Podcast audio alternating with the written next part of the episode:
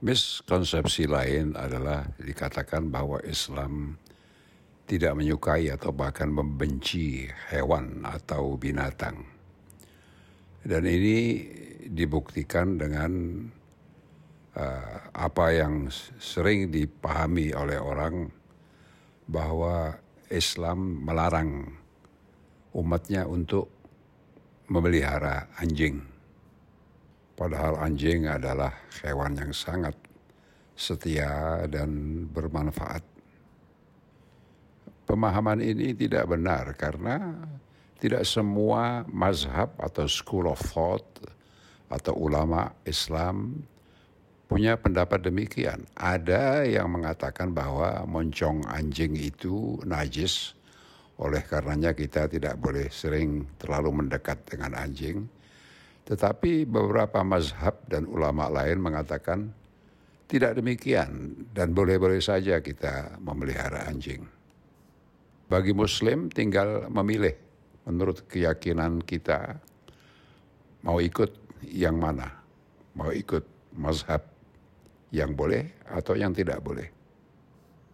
Miskonsepsi lain adalah tentang sunnah Nabi.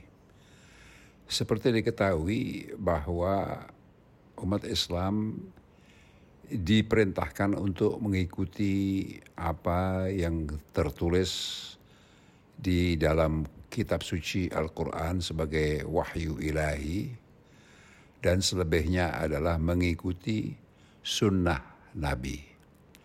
Yang dimaksud dengan sunnah Nabi adalah pesan-pesan Nabi di dalam kata-katanya, dan perilaku Nabi.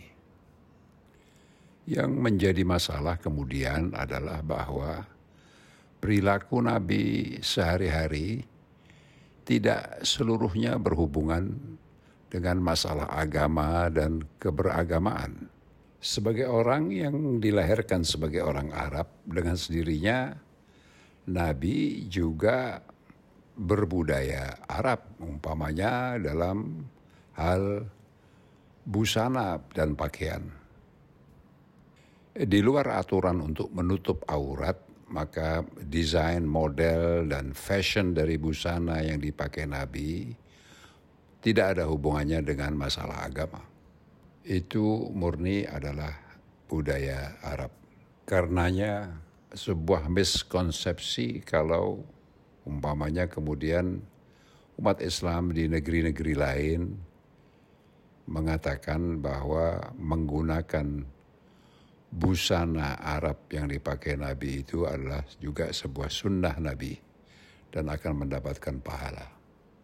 Atau bahkan lebih gawat lagi, rezim Taliban yang pernah berkuasa di Afghanistan suatu saat mewajibkan warga negara Afghanistan Muslim harus memelihara janggut karena Nabi berjanggut dan yang tidak berjanggut akan dikenakan hukuman.